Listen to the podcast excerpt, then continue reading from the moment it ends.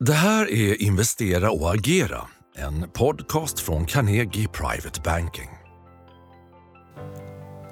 Vi startar med en datumstämpel. Det är onsdag 16 augusti. Klockan är 14.30. Det är sensommarstarten då för Carnegies podcast där vi varje vecka kommenterar makro och marknadsläget och presenterar investeringsidéer för privata investerare och entreprenörer. Idag om sommarens nyheter som sätter tonen för utvecklingen andra halvåret.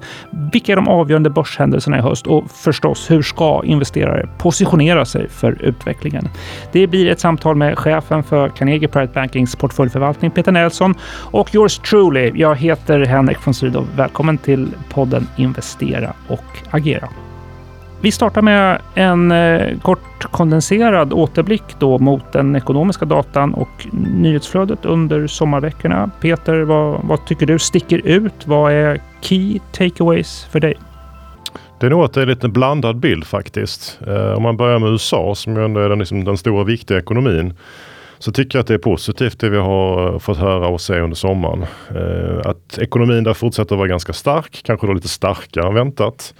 På många håll och ledder, detaljhandel faktiskt, även husmarknaden och arbetsmarknaden. Och samtidigt har även där då inflationen börjat komma ner lite mer, vilket vi har, eh, är ett efterlängtat tecken. Så plus för USA. Dock, jag sa att det var en blandad bild. Kina som vi vet är ett viktigt område eller ett viktigt land. Eh, där är det betydligt svagare och det är väl lite mer av samma problem som tidigare. Det vill säga framförallt fastighetssektorn som fortfarande tynger ekonomin. Det finns en del skuldproblem på sina håll och kanter. Eh, vi ser även att liksom handel, både export och import faller. Tillväxten verkar vara på väg ner. Så att frågetecken på Kina. Eh, och sen om vi då vandrar vidare till Europa och Sverige, också lite svagare tendenser. Absolut ingen krasch på något sätt utan lite mer kanske då av pyspunka. Så att eh, ja, det är en blandad bild. Eh, I Sverige där har vi fått väldigt svaga siffror på sistone, framförallt tillväxten under Q2. Eh, vi vet ju om att konsumenterna har det jobbigt, att byggindustrin är svag så att det, det, det är inget nytt men ändå. Det är lite pyspunka som jag sa. Mm. Det hänger väl ihop det där också. Pyspunka i Sverige kan ju hänga ihop med att det går trögt i Europa. Att det går trögt i Europa hänger ihop med att det inte tar fart i Kina. Ja, det tror jag. Det finns en koppling som du säger. Definitivt. Vi har ju, vi har ju, Europa är den viktigaste regionen för, för svenska bolag, men mm. även Kina är en viktig marknad. Så det, det ligger säkert någonting i det du säger.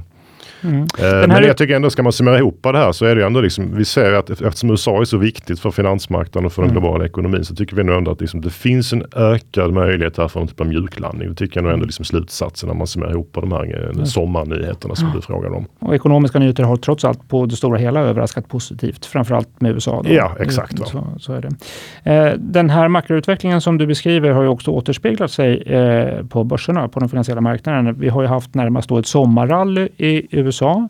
Eh, men Sverige har ju inte hängt med. Du touchade lite grann på vad det beror på. Vad skulle du säga var är viktigaste faktorn som förklarar skillnaden i börsutvecklingen mellan amerikanska börser och den svenska? Ja, men dels den här makroutvecklingen som vi pratar om att det har sett lite bättre ut i USA. Vi tycker även att rapporterna som har kommit, det har varit mycket fokus på halvårsrapporter och de har varit, det har varit lite bättre hit ratio som man brukar säga i den amerikanska marknaden. Så att de har fått bättre betalt för sina rapporter. Det som är lite nytt i USA är också att vi har en bättre bredd som vi säger på aktiemarknaden. Det vill säga att det är inte bara en sektor. Det var mycket fokus på teknologi och AI här början på året. Det har blivit en bättre bredd nu så att det är fler bolag som deltar eh, liksom i den amerikanska uppgången. Mm. Sen har vi återigen lite valuta i det här också när man som svensk investerare räknar om det. För att kronan har ju tappat lite till under sommaren. Så det har ju då som gett extra procent om man har varit investerad utanför landets gränser. Mm. Sen kan man lägga till också de svenska bolagen har fått ganska dåligt betalt faktiskt generellt sett på mm. rapporter alltså. Och sen är vi ju, vi har ju några stora bolag. Hexagon ett exempel, Atlas Copco ett annat exempel. De har gått ganska dåligt under sommaren. Framförallt Hexagon och de gör mm. liksom att dra ner indexutvecklingen lite extra. Då, då. Så där Just har de nog liksom skillnaden tror jag. Just det. Du, eh, de här högre värderingarna som vi ser på amerikanska börsen nu, det prisar ju också då in ett eh, relativt gynnsamt eh, konjunkturscenario. Tycker du att det finns skäl att oroa sig för att eh, framtidstron på amerikanska marknaden och amerikanska värderingar har blivit alltför stressade och framtidstron alltför optimistisk? Ja, nej, men det är väl då risken som du säger att det ser lite dyrare ut. Så att det, det beror ju då helt på hur det utvecklas framåt här. Det hänger mycket på det här med, med, med, med makroutvecklingen, inflationen och räntor. Eh, jag skulle säga att det krävs ju nog nu om man tittar på den amerikanska marknaden att både vinsterna håller uppe och att räntorna då inte fortsätter upp för mycket till. För räntorna har ju faktiskt tickat upp lite till under sommaren så det är lite mer stretchat. Ehm, men det som är positivt som jag sa innan är ju det här med att vi har en bättre bredd i den amerikanska marknaden nu. Vi var ju lite oroliga här under våren för att det bara var nästan teknologi och AI. Det såg mm. lite mer sårbart ut då. Men, men när det nu har mattats lite så har faktiskt de andra sektorerna kommit igång lite. Så jag tycker ändå att, jag, jag kan inte säga att jag är jätteorolig, men det är klart att, att går någonting snett här då blir fallhöjden större i den amerikanska mm. marknaden. Och inte så mycket utrymme för att det ska gå snett heller? Nej, det, det, är väl det. Det är väl det som är risken då. Men återigen, utvecklingen på sistone har ändå gått åt rätt håll på det mm. stora hela. Du eh, var inne på det tidigare. Om jag skulle be dig eh, fördjupa då eh, vad du tycker är de viktigaste insikterna att mm, ta med sig från rapportsäsongen på Stockholmsbörsen. Vad, vad lärde vi oss? Eh, ja, men då skulle jag nog säga att generellt sett att ändå bolagen faktiskt fortsätter att gå eh, ganska bra. Eh, vinsterna egentligen på alla marknader har varit lite bättre än väntat. Det brukar de i och för sig vara. Bolagen är ganska bra på att liksom hålla förväntningarna på en rimlig nivå. Men ändå, helt okej okay vinstutveckling. Framförallt kanske lite bättre på den amerikanska marknaden eh, än, än exempelvis då i, eh, i Sverige. Sen samtidigt får man väl säga det att vi ser ändå tecken på att det liksom lite avtagande tillväxt eh, i bolagen. De bolag som rapporterar orderingång, där har det varit lite sämre siffror. Så att vi ser någon begynnande typ av avmattning här, eh, som inte bara är i vissa sektorer utan lite bredare. Men, men jag tycker ändå att själva liksom rapportsäsongen i sig, den har väl inte gett en anledning att liksom bli mer orolig, utan mm.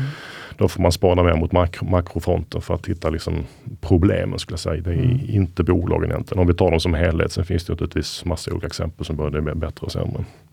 Och möjligen också att det är de stora bolagen i stora sektorer som framförallt driver vinsttillväxten. Ja, större bolag har väl både, gått bättre kursmässigt men mm. också haft lite bättre vinstutveckling. Mm. Uh, I vissa fall hänger det väl ihop med att de kanske då, om man tittar på Sverige, att de är mer internationella, mindre exponerade mot den inhemska ekonomin än, och att de, de, större bolagen är mer exponerade mot, mot den globala ekonomin. Så det, det ligger någonting i det. Just det. Medan mindre bolag har då precis just det du säger, inhemsk konsumtion och byggande. Ja, eh, ja precis. Du, eh, med det här då bakom oss, eh, hur skulle du, så att säga, vilket, vilket är ditt omdöme om marknadsläget just nu? Om marknadsläget och, och eh, sentimentet hos marknadsaktörerna? Ja, nej men alltså hade vi haft det här samtalet för sen två veckor sedan, då såg det ganska bra ut. Fram till slutet på juli så var det liksom eh, ganska positivt marknadsläge. Det har gått upp ganska mycket på, på, på börserna och sådär. Det känns som nu står det och väger lite mer än när vi kommit in i, i augusti. Jag pratade mm. om Kina innan. Va? Jag tror den oron har förstärkts lite de senaste veckorna. Det har kommit en del dålig data därifrån. Mm. Och sen har vi den här frågan också om som ju ställs hela tiden att eftersläpningen, alla de här räntehöjningarna som genomförs de senaste då, ett och ett halvt åren, liksom, vad blir effekten av det? Man är väl liksom lite osäker på det fortfarande. Så att jag skulle säga att det, det står och väger lite grann här nu då. Och det skulle inte förvåna mig om det kommer vara så här nu under augusti-september som också brukar vara lite knepiga månader innan vi kanske kan liksom ta ut en ny riktning här på något sätt. När vi liksom ser lite mer vart, vart det är på väg. Så att det är lite avvaktande just nu. Mm. Vi har ju pratat inflation i ett och ett halvt år. Nu får vi se vad priset på att bekämpa inflationen är. Det lär väl visa sig under hösten. Ja. Eh, intressant. Det står och väger. Spännande läge. Eh, just givet det då, om vi blickar framåt eh, Eh, för börsutvecklingen under höst. Vad, vad tror du blir de formativa, avgörande händelserna för börsutvecklingen?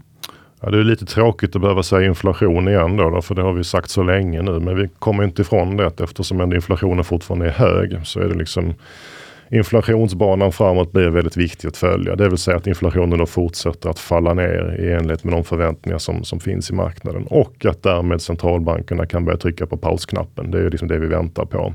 Det finns ju en tydlig förväntan om att vi har någon räntehöjning till på sin, sin håll och kant med att vi sedan liksom ska ha på, räntorna på paus.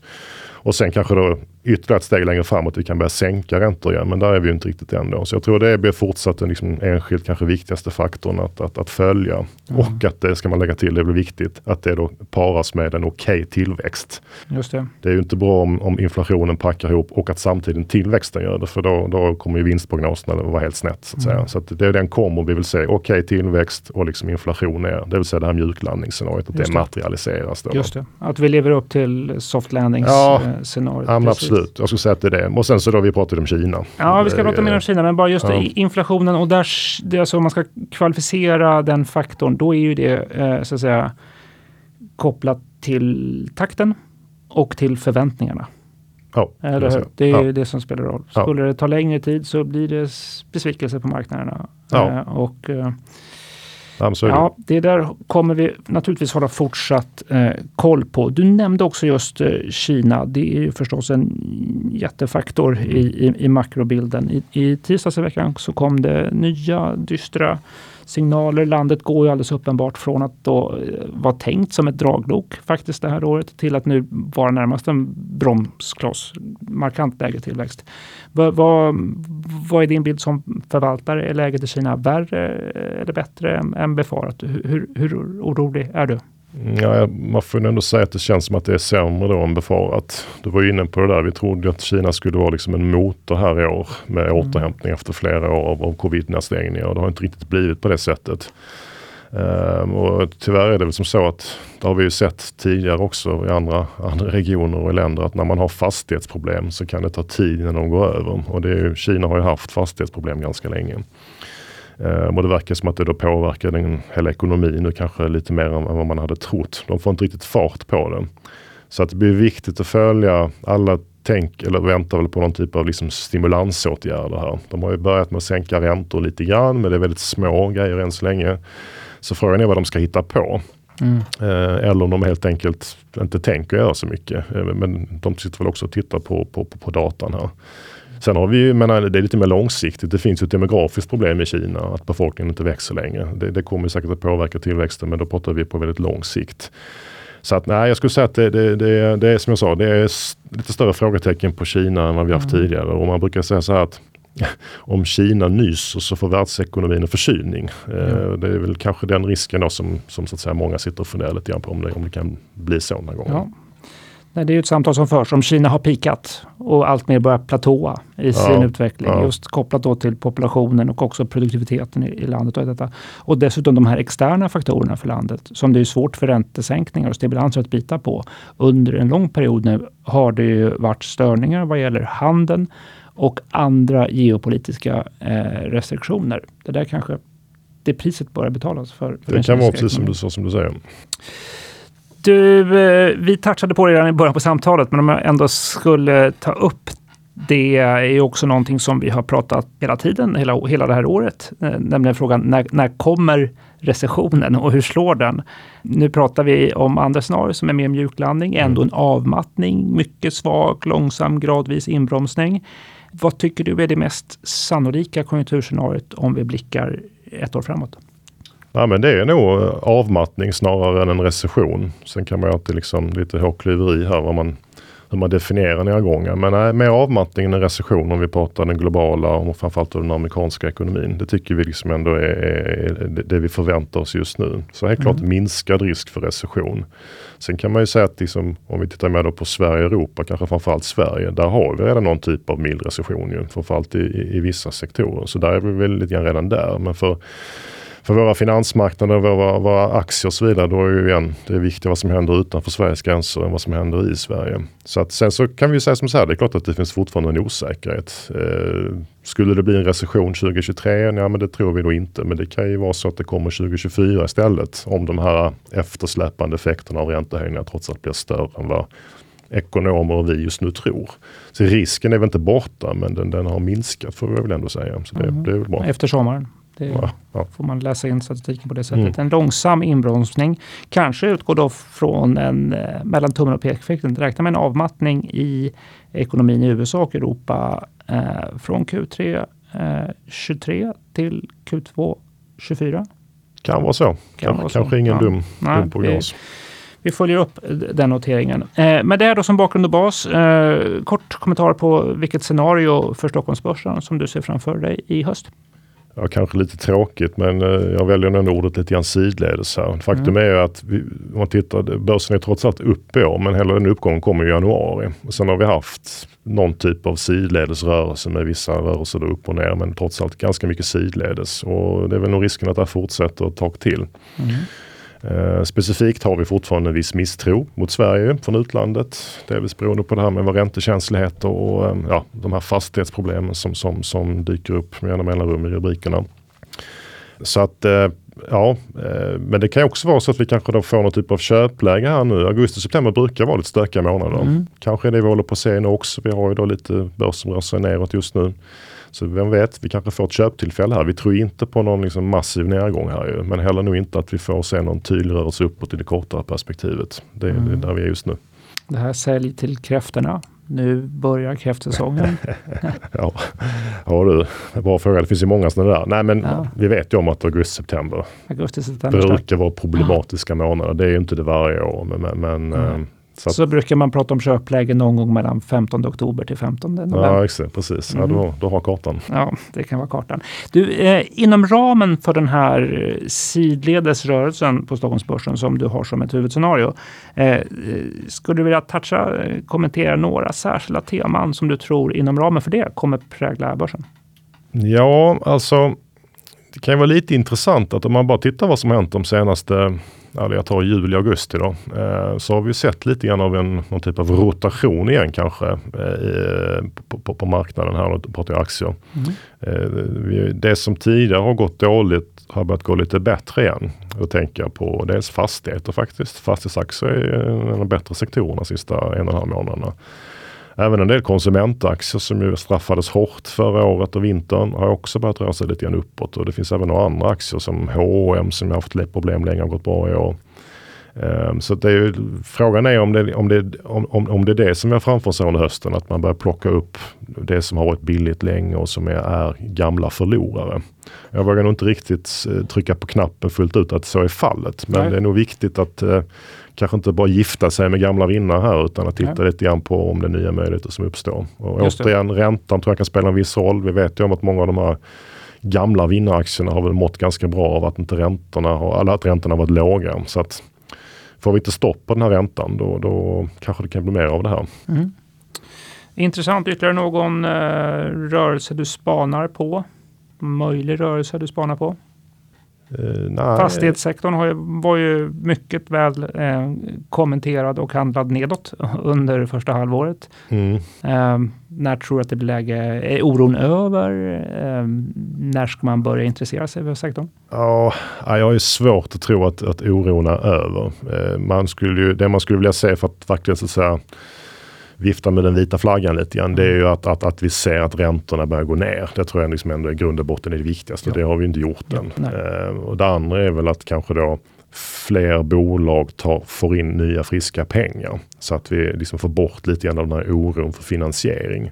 Än så länge är det egentligen bara Castellum som har gjort en stor nyemission. Mm. Eh, de andra bolagen har inte gjort det, de har ägnat sig åt att sälja, mm. sälja fastigheter. Så jag tror man skulle nog vilja bocka av lite grann det här med att antingen har räntan faktiskt mer stadigvarande börjar gå neråt eller att de tar in mer pengar ja. så att vi kan ta, få bort den risken. det är nog mer då man ska, liksom, tror jag. Annars en rätt fortsatt besvärlig period framför oss kanske då för bolagen under Ja det är det ju, men sen får man skilja på bolag och aktier. Ja. Eh, även om bolagen har det jobbigt så har ju aktierna gått väldigt dåligt väldigt länge. Så det är klart mm. att mycket negativt är prissatt i dem. Det måste man ju komma ihåg. Och sen mm. tror jag också att uh, rätt många har ju är ju underviktade, äger inte så mycket fastighetsaktier. Så börjar de då börjar de röra på sig, ja då kanske det i sig skapar liksom ett tryck. Vi har ju sett en liten rörelse sista månaden här va? Nej, vi har ju det. Ja. Det kanske är lite sådär att man börjar fundera på att man kanske ändå ska börja fylla på lite grann med fastighetsaktier. Precis. Så att ja, det börjar väl något tidigt tecken på att kanske det, liksom det värsta är över för aktierna åtminstone. Mm. Mycket intressant, men vi har med oss det här. Triggers är ju liksom när räntorna tydligt börjar gå ner och vi har,